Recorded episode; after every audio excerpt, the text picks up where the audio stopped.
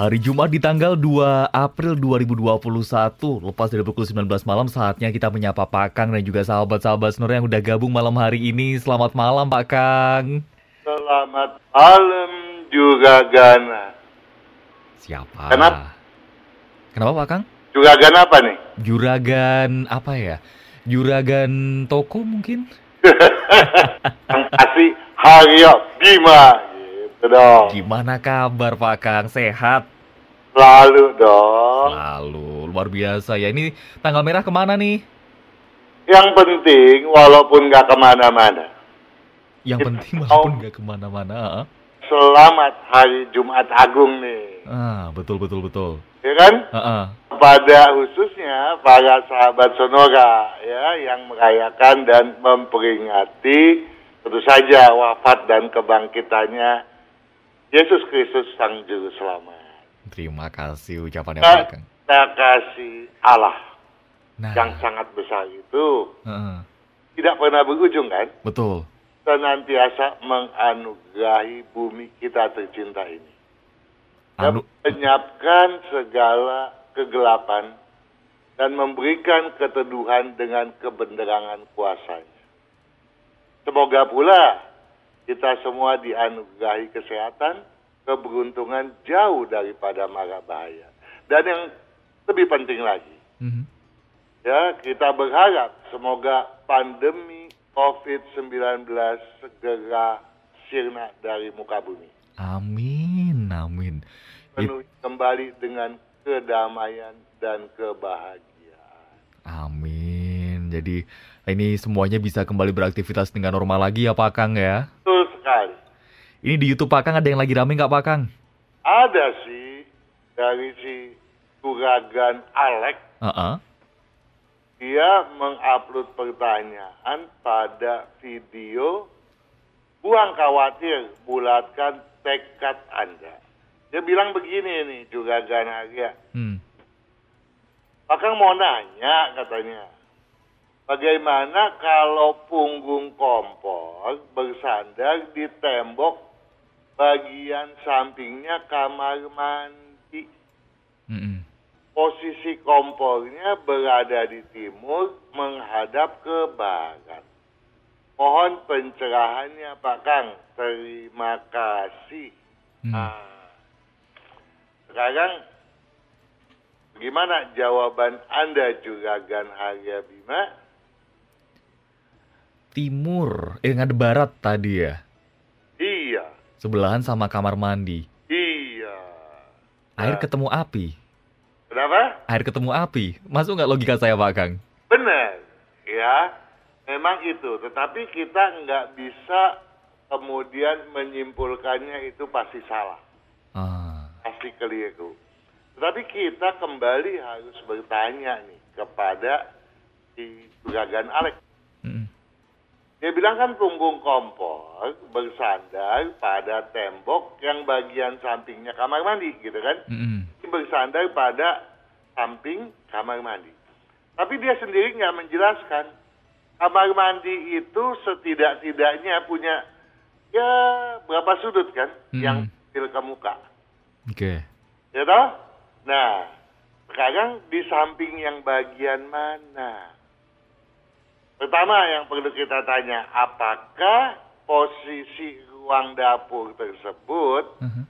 adanya setelah kamar mandi WC atau sebelum kamar mandi WC? Ini dulu nih. Kalau setelah kamar mandi WC berarti air mendahului api dong. Ah, ah. Jadi seperti yang tadi Anda katakan ada bentrokan dong, ya kan? Iya betul betul betul. Kenapa terjadi bentrokan? Karena kamar mandi WC sifatnya yin, dingin, Hmm. ya. Sedangkan dapur sifatnya yang panas untuk kita memasak, Mm-mm. ya toh? Mm-mm. Jadi ada perbentukan di situ. Mestinya api dulu, barulah air. Nah, artinya kalau yang ditanyakan oleh Juragan Alex ternyata dapur dulu baru WC, kita punya jawaban oke dulu dong. Ya. Tapi ada pertanyaan lagi. Apa Pak Kang? Nah, sisi yang mana daripada kamar mandi, dinding kamar mandi WC tadi? Apakah dinding yang masih full merupakan dinding yang eh, samping yang tidak ada pintunya? Mhm. Jadi bisa aja toh dia bersandar pada dinding di depan eh, apa di dinding kamar mandi bagian depan. Di sampingnya ada pintu. Berarti nggak nempel sama kamar mandi tuh, mah? Nempel dong. Masih nempel ya? Nempel dong. Kan dia cuma bilang bagaimana kalau punggung kompor bersandar di tembok bagian samping kamar mandi. Oh, oh iya bener Samping itu kan banyak dong ya. Heeh, heeh, heeh. Kalau samping yang dimaksudkan adalah sebelum atau sesudah, tadi kita udah bicarakan. Iya. Tetapi kalau itu adanya di bagian depan, samping bagian depan, tentu kita berharap kompor tadi adanya sebelum pintu. Ya. Hmm. Kompor tadi setelah pintu berarti keliru lagi dong. Iya. Namun demikian bukan berarti tidak ada solusinya juga kan. Nah, solusinya berarti gimana, Pak? Iya, jadi boleh-boleh aja sebetulnya. Hmm. Hah? Jadi begini, kalau misalnya tadi kita udah bilang, kalau ternyata nih WC dulu nih, baru dapur, Mm-mm. ya di dua ruangan tadi nyalakan lampu nonstop. Lampu nonstop pada kamar mandi WC Mhm. supaya ada perimbangan yin dengan yang. Oke. Kompor eh, lampu yang dinyalakan nonstop pada ruang dapur untuk meningkatkan yang daripada dapur itu sendiri, Mm-mm. gitu? Mm-mm. Mm-mm. Nah, kemudian itu kalau eh, kompor ruang dapur didahului kamar mandi. Tapi kalau tidak, kalau bukan, tetapi adanya di depan, kita harus memasang cermin untuk membu eh, me- menggandakan efek daripada api kompor juga kan. Hmm. Jadi selain lampu kita pasang, kita gandakan tuh. Ya, jadi di samping kompor sehingga ketika kita menyalakan dapur nih, menyalakan maksud saya menyalakan kompor nih, Mm-mm. Mm-mm. apinya itu nyala dan apinya itu tertangkap pada oh, tertangkap oleh cermin sehingga seolah-olah apinya membesar toh.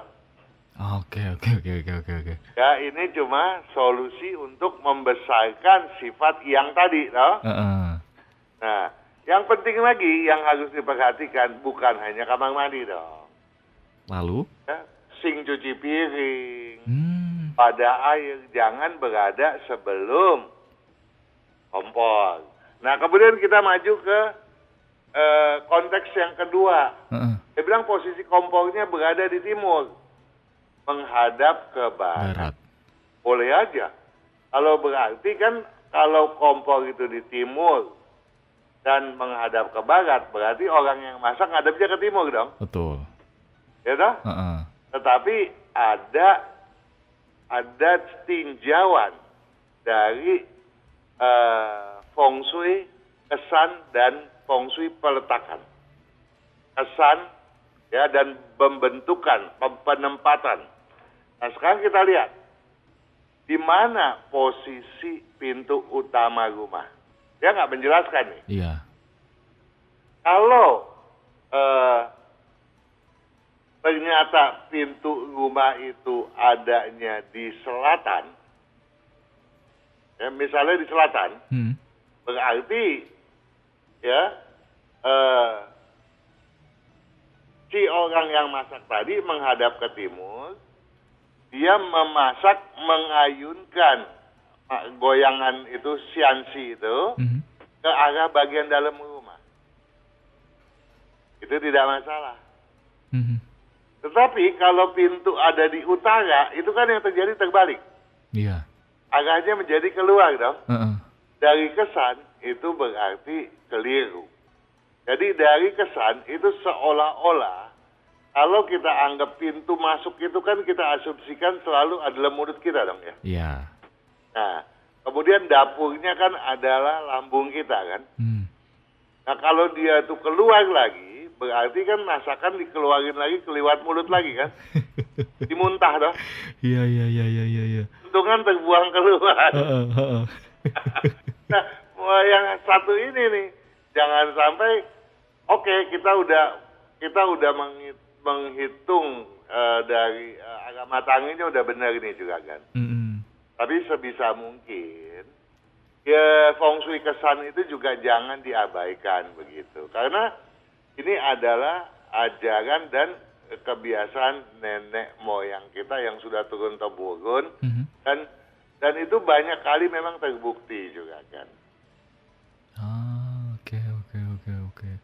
Jadi emang kalaupun ada yang mau diubah jangan cuma posisi kompornya doang ya Pak Kang ya.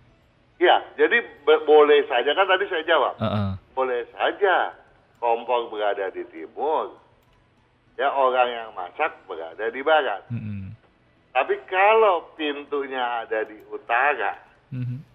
berarti arah memasak keluar rumah gitu kan. Iya. Kalau di selatan, dia masuk. Masuk. Oke. Ini semoga juga bisa sekalian ngejawab sahabat Snora yang mungkin juga punya masalah yang sama ya Pak Kang. Sebab eh, dapur ini memang paling complicated. Oh Ya, iya, dia paling komplikated dibanding ruangan yang lain. Paling rumit. Oh. Jadi eh, memang kalau bicara dapur ini seolah-olah nggak ada habisnya kita berbicara, Oke. gitu ya. Heeh. Jadi eh, kita berharap sahabat Sonora ya step by step lah sedikit-sedikit dipelajari. Jadi kalau ada kekeliruan bisa segera diperbaiki. Toh pembicaraan mengenai dapur bukan baru sekarang. Hmm. Saya sendiri sudah mengungkapnya berkali-kali Hmm. kan eh, Kang Singfat itu di eh, channelnya juga sudah berulang kali pula berbicara mengenai posisi dapur. Oke. Nah Pak Kang, ini karena kita kalau break nanggung, kita langsung ke pertanyaan yang pertama ya Pak Kang ya. Oke, Ini juga lagi-lagi soal rumah ini untuk hadap. Ada Andre. Andre, Mhm. Andre 17 Maret 17 bulan 3 tahun 92. tahun 92. Pukul 20 kira-kira sekitar pukul 23 sampai 23 lewat 45. 23. Sampai 23 lewat 45. Oke. Rumah yang cocok menghadap mana Pak Kang? 17 Maret 92 ya. Mhm. Dia lahir tanggal 14 bulan 2 tahun 2543 berdasarkan kalender Imlek hari Selasa. Unsur apinya lemah, unsur airnya terlalu dominan, Mhm. dan dia cocok untuk bersandar pada posisi di barat laut, eh barat laut, boleh barat daya, boleh menghadap timur laut atau menghadap ke timur. Hmm, antara antara itu pilihannya ya. Jadi menghadap ke timur laut atau menghadap ke timur, oke. Dua itu aja Pak Kang. Iya, Hmm. Oke. Kemudian kalau untuk usaha Pak Kang, usaha yang cocok apa ini Pak Kang? usaha yang cocok ada banyak pilihan, banyak sekali. Ada tanah dominan, logam dominan, air dominan, atau campuran daripada kedua elemen atau ketiga elemen tersebut. Ah, seneng ya kalau banyak pilihannya gini tinggal milih. Iya, tapi kadang-kadang terlalu banyak malah orang jadi bingung. Ah. ya tinggal bagaimana sesuai keinginannya aja ya Pak Kang dan kalau udah ketemu tinggal ditekuni ya. Dan bagi eh, Andre sebetulnya hal tadi un- eh, untuk memilih maksud saya Mhm. itu nggak sulit gitu ya karena dia mempunyai satu memang satu cita-cita dari awal ya. Jadi kalau kalau cita-citanya itu memang ada di bagian tadi ya tinggal dilanjutkan saja sesuai bakatnya begitu toh. Mhm. Oke. Selanjutnya Pak Kang. Ada Santoso. Santoso. Mm-mm. Tanggal lahirnya 4 bulan 6 Tanggal 4 bulan 6 tahun 78 tahun 78 pukul 9 lewat 30 pagi. 9 lewat 30 pagi. Mm-mm. Ini untuk rumah, ma- eh, untuk rumah hadap manakah yang lebih cocok? Apakah utara atau selatan? Sama meja kerja atau arah kepala ranjang sebaiknya arah mana Pak Kang? Oke, untuk pertanyaan pertama, untuk Santoso yang lahir pada hari Minggu, kalender Imlek 29 bulan 4 tahun 2529, Mhm. eh, kedua-dua yang tadi ditanyakan itu untuk rumah, kedua-duanya cocok. Baik utara maupun selatan ya? Tuh, namun pertanyaan selanjutnya saya nggak bisa jawab. Kenapa Pak Kang? Nah, itu pertanyaan yang bagus. Kenapa, Pak Kang? Karena di mana posisi eh, kamar tidurnya? Di mana Ah, di ruang kerjanya? Itu sangat menentukan. Ya. Oke. Dan kalau posisinya sudah ada pun belum tentu saya bisa langsung jawab. Karena saya mau tahu pintu utamanya di mana. Dari pintu utama, kemudian arah masuknya ke mana. Jadi nggak bisa parsial. Jadi bisa saja saya misalnya mengatakan bahwa, Mm. oh Anda punya kamar tidur bag- bagusnya menghadap ke timur. Ternyata setelah dilihat dari denanya, timur daerah yang sangat berbahaya. Bisa terjadi seperti itu. Hmm. Ya, jadi tidak bisa diterapkan seperti itu. Jadi mesti tahu dulu. Misalnya begini, yang paling gampang untuk uh, ruang kerja gitu ya. Mm. Saya bilang, eh, Anda punya uh, dua uh, meja kerja, seharusnya bagus menghadap ke selatan. Ya, berarti kalau menghadap ke selatan, belakangnya apa? Utara. utara. Ya, kalau belakangnya utara berarti kalau kita menghitung satu sektor, belakang utara, Eh, belakang kanan dari tempat duduk adalah timur laut, belakang kiri dari tempat duduk adalah barat eh, laut, betul nggak? Ya, Hmm. nah kalau di belakang itu terdapat eh, pintu, itu posisi yang saya berikan menjadi salah. Hmm. Oke oke oke. Karena apa? Karena kita duduk membelakangi pintu. Ah. Ya, jadi kita harus menghadap pintu. Bahkan kalau di kalangan yang masih memegang adat istiadat nih Juragan. Mm-mm. Bahkan kita begini aja nih. Misalnya saya mengundang Anda, ya, Juragan Bima. Mm-mm. Kita pergi makan nih. Mm-mm. Anda bawa teman-teman berapa orang, gitu kan? Mm-mm. Saya mungkin juga berapa orang begitu, dah. Kita bersepuluh misalnya di satu ruangan, VIP. Nah, siapa yang duduk menghadap ke pintu? Tuan rumah. Tuan rumah. Itu betul. Mm. ya kan? Iya. Lepas daripada dia itu depan eh, pintunya itu eh, pintunya atau mejanya menghadap ke mana, toh? Heeh, heeh, heeh. Ting, tuan rumah harus menghadap ke pintu. Itu dulu. Nah, tetapi dalam konteks ruang kerja tadi, ketika kita sudah menerapkan menghadap ke pintu, Heeh. maka posisi elemen kita cocok untuk kita bersandar. Belum tentu lagi, nah. Oke, Tapi eh, kita harus mengutamakan posisi yang tadi itu. Ya, tuan rumah harus menghadap pintu. ke pintu. Itu itu yang dia harus digaris bawahi. Oke.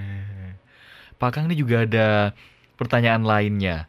Kalau bikin dapur di sektor timur rumah dan juga kompornya ngadep selatan, tepat nggak nih Pak Kang?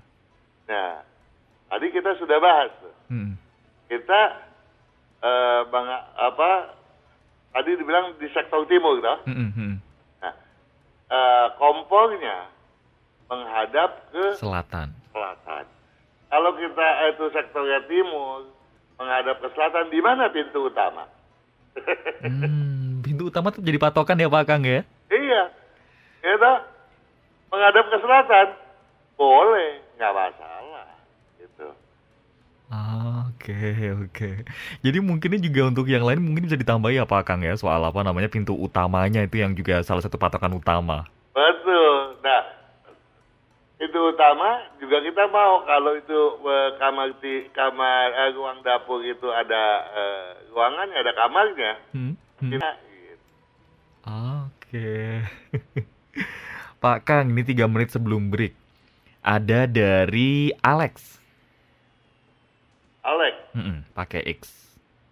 oke. 7 bulan 4 Tanggal 7 bulan 4 tahun 53. Puk- tahun 53. Pukul 17 lewat 30. 17.30. Mm-mm.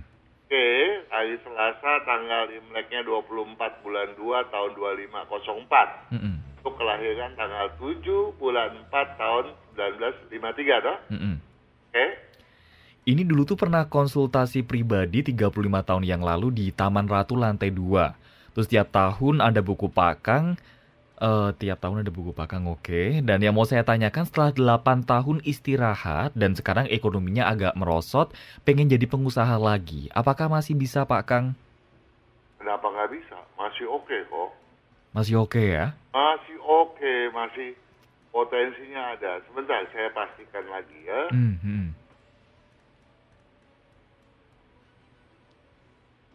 Wah, terbuka kok. Ya, apalagi kalau dimulai tahun ini. Hmm, langsung cepet-cepet lah ini. Betul sekali ya.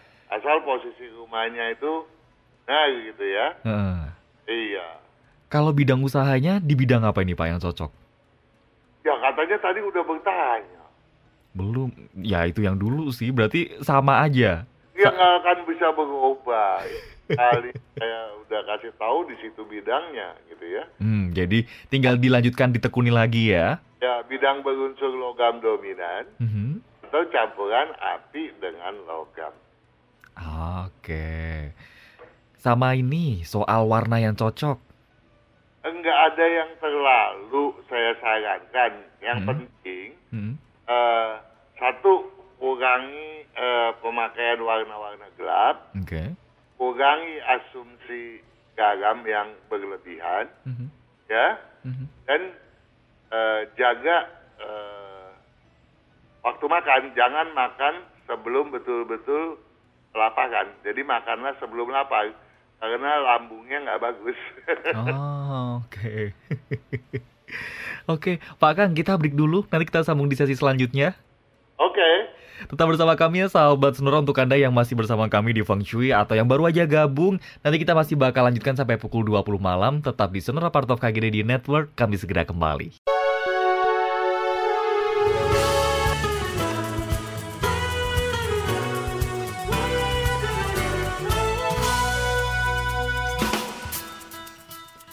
Selamat bergabung kembali di Feng Shui di malam hari ini edisi 2 April 2021 dan yang baru aja tune in di Sonora Part of KG Radio Network. Selamat malam sahabat Sonora. Saya masih tersambung bersama Pak Kang malam hari ini dan silahkan ya Anda mungkin kalau ada pertanyaan yang mau disampaikan ke Pak Kang, Anda bisa langsung tulis saja di WhatsApp. Kami tunggu di 0812 112 9200. Sekali lagi, Anda bisa langsung di 0812 112 9200 dan formatnya masih seperti biasa.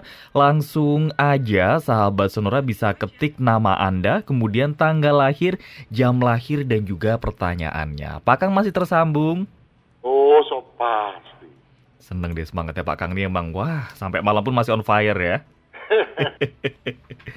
Pak Kang, ini selanjutnya ada pertanyaan dari Yaya.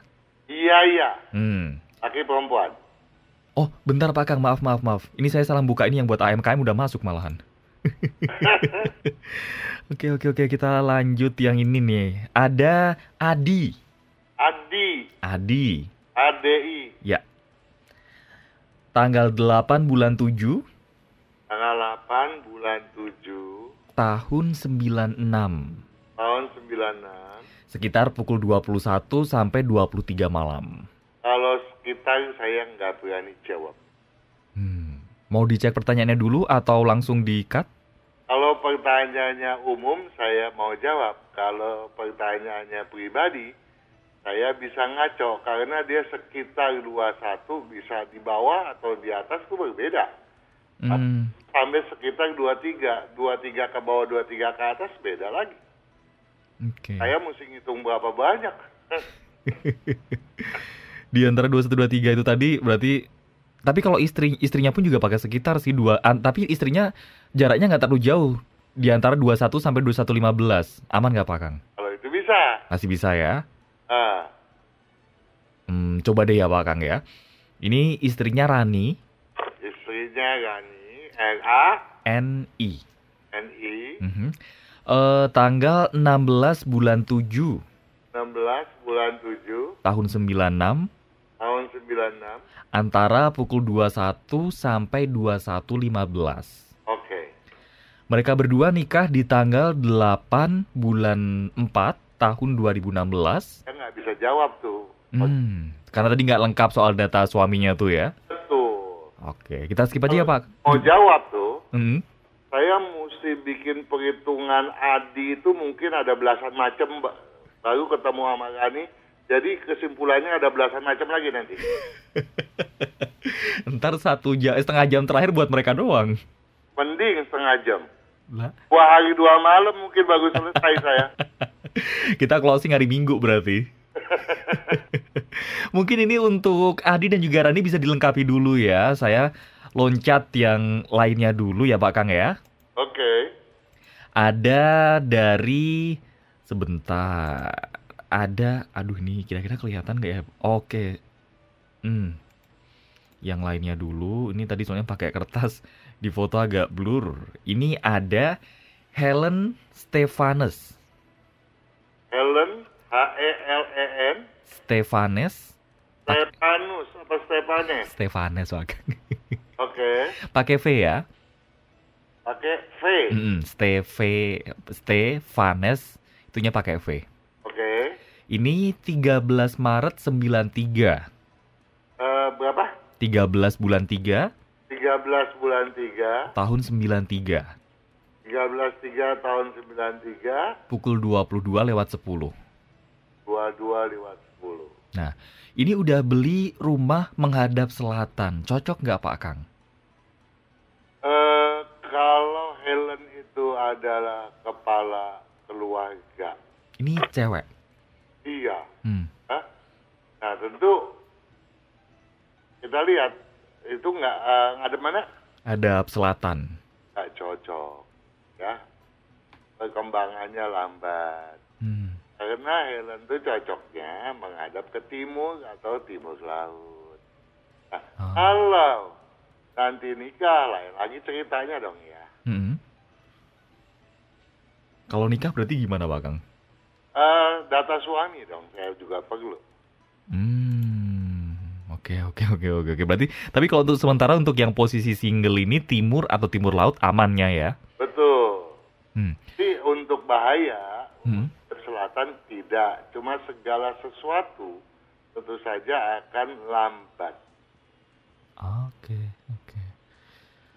Kemudian kalau untuk usaha yang cocok, ini sebagai sekarang pekerjaannya sebagai pegawai swasta bagian pembelian spare part mesin pabrik. Sama ada kerjaan sambilan sebagai guru les private. Kemudian juga ada bisnis online shop, kalung titanium dan juga sabun sama serum kecantikan. Kalau sabun, kecantikan nggak cocok. Kalau dia bagian apa tadi eh, apa spare part, Mhm. dam, ya itu oke. Kemudian tadi eh, sampingannya apa lagi? Sampingannya tadi yang online shop udah guru les, guru les. Enggak, eh, jualannya. Oh jualannya tadi ada online shop kalung titanium sama sabun sama Apa, apa, apa yang pertama?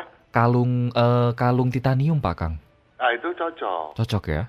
Tapi kalau eh, sekolah apa guru les Heeh. juga membosankan sebetulnya buat Hmm. ya, itu mungkin untuk jangka waktu pendek oke-oke aja gitu ya. Mhm. Kalau parameternya untuk misalnya untuk ngisi waktu atau cari uang, tapi lama kelamaan dia akan boring sendiri kok. Oh. Oke oke.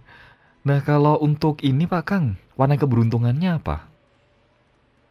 warna keberuntungan. Mhm. Saya nggak pernah cerita warna keberuntungan. Warna yang bag eh, ini warna ke berarti kita ganti ini deh pertanyaannya apa namanya warna baju warna keberuntungan ini ada nomor keberuntungan juga bawahnya.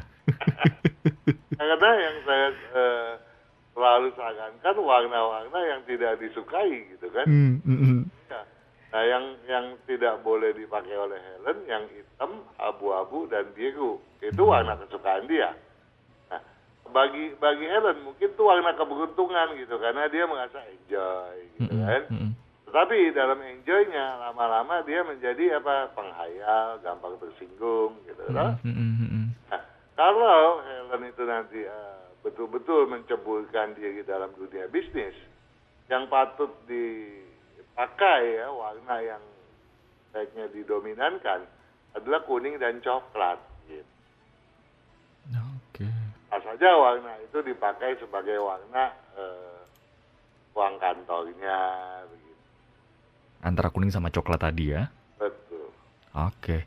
Pak Kang, ini kita beli dulu. Nanti kita masih punya satu sesi lagi. Oke. Tetap bersama kami ya sahabat Senora. Kita masih tersambung bersama Pak Kang sampai nanti pukul 20 malam. Hanya di Senora Feng Shui di edisi 2 April 2021.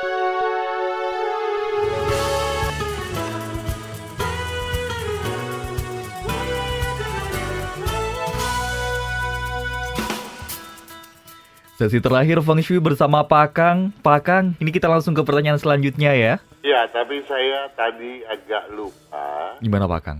untuk Helen. Oh, oke oke mau menambahkan yang Helen. Hmm? Nah, jadi kalau dia mau berbisnis, Mm-mm. ya, tentu bisnisnya adalah yang berunsur logam dominan Oke. atau campuran api logam. Tentu saja yang logam dominan sangat menjanjikan bagi Helen Mhm. Yang lahir pada tanggal Imlek 21 bulan 2 tahun 2544 pada hari Sabtu itu. Hmm. Oke, antara dua itu ya Pak Kang ya. Betul. Oke. Terima kasih Pak Kang sarannya buat Helen. Helen silakan dicatat ini ya. Kemudian Pak Kang, Ya. selanjutnya ada dari Sunardi Raditya. Sunardi Raditya. Aditya. 9 April 63. 9 April dan bulan 4 tahun 63 pukul 6 pagi. 6 pagi. Mm-mm. Kemudian ini kalau untuk usaha yang cocok apa Pak Kang? Sekarang bisnis jual beli mobil bekas, cocok nggak Pak Kang? Enggak. Enggak. Enggak. Waduh, langsung enggak. Cocoknya berarti? Seok-seok lah. Hmm. Jadi yang cocoknya untuk eh, Sunardi Raditya yang lahir pada tahun kelinci ya, Hmm. kelinci air, tanggal Imlek 16 bulan 3 tahun 2514, cuma satu pilihannya yang betul-betul paling bagus, Mhm. yaitu yang berunsur air dominan. Pilihan lainnya tentu saja campuran antara kayu dengan air Mhm. atau tanah dengan air. Tapi itu pun bisa eh, apa sangat menjanjikan gitu ya. Tapi kalau yang berunsur air dominan jauh lebih menjanjikan. Nah, kalau kita bicara unsur air bukan cuma jualan air loh ya. Banyak pilihannya. Oke. Jualan air gitu malah. Itu mah satu bidang doang berarti jadinya. Tapi banyak sekali pilihannya. Oke. Rumahnya hadap utara cocok Pak Kang?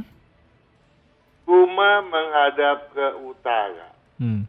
Kalau menghadap ke utara, eh, bidang yang eh, lain yang dia jama tetap aja cukup maju gitu ya. Kenapa? Karena buat eh, juga Gansuna di bidang-bidang lainnya ini walaupun nggak cocok, nggak cocoknya eh, nggak fatalis gitu. Ya, jadi dia ke bidang apa pun sebetulnya bisa maju asalkan yang tidak ada listriknya, tidak ada apinya. Nah, kemudian yang sekarang ini kan kendaraan bermotor kan, Mobil iya sih, pengendalian mesin gitu sih. itu ada listriknya kan. Iya sih. itu yang betul-betul dia sebetulnya paling lambat gitu gitu.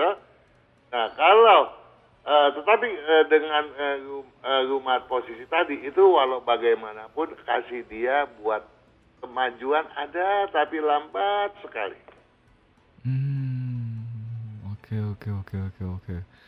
Bisa dicatat ya Pak Sunardi Raditya. Ini kemudian Pak Kang eh, anaknya Ya, namanya Beni Tian. Beninya pakai Y double N. Benny double N Mm-mm, Tian, Ian Tian, apa? Tian, T I A N. T I A N Mhm. 26 bulan 12 26 bulan 12 tahun 88 88 pukul 6 lewat 15 pagi. 6.15 pagi. Ini sekarang bekerjanya di bidang IT, Pak Kang. Masuk gak? Masuk apa enggak tergantung dia dong mau masuk apa enggak. Oh iya sih. Dia mau Oke, bolos? Tanggal merah nggak boleh mas eh, jangan masuk berarti. Cocok atau enggak, Pak Kang? Sangat sangat sangat cocok. Hmm, triple sangat. Iya. Jadi luar biasa kemajuannya bukan main, Mhm, tetap berteguh di sana mhm. ya. Cuma saya mau minta tolong kepada Benitian, eh, tolong eh, jangan eh, meniru Papa. Papa tuh kalau ngobrol tuh suka sok tahu segala apa dia yang tahu gitu. Nah ini Hmm. menurun ke Beni. Oh nurun. Turun. Oke. Tuh nggak ditanggulangi, takutnya mengurangi hoki. Karena sebetulnya papanya pun hokinya gede kalau dia bisa mengurangi hal tadi yang telah saya sampaikan. Ya. Hmm. Nah, cuma bedanya si papa lebih gesit. Benny eh, eh, kadang-kadang gitulah timbul tenggelam gitu semangatnya. Mhm. Nah, memang disiplinnya bagus gitu. Jadi eh, Benny eh, supaya semangatnya eh, tetap teguh Mhm. harus bikin perencanaan yang betul-betul terperinci karena dia tuh akan bertanggung jawab terhadap rencana tersebut. Ah, Oke. Nah, kedua-duanya bapak sama anak ini untuk kemajuan, saya minta tolong satu hal selain yang tadi itu ya, jangan suka sok tahu, walaupun kita tahu, Mhm.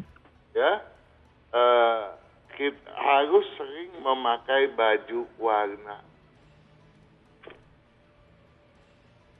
Warna apa, Pak Kang? putih, Warna putih. betul, dua-duanya. Hmm. ya. Jadi untuk Benitan, eh Ben- Benitian ya, Mhm. yang lahir tanggal 18 bulan 11 tahun 2539 Imlek hari Senin. Harus juga pakai baju warna putih seperti papanya. Kalau kesehatan keduanya gimana nih, Pak Kang? Ya, kesehatan yang penting jangan sering banyak makan daging deh ya.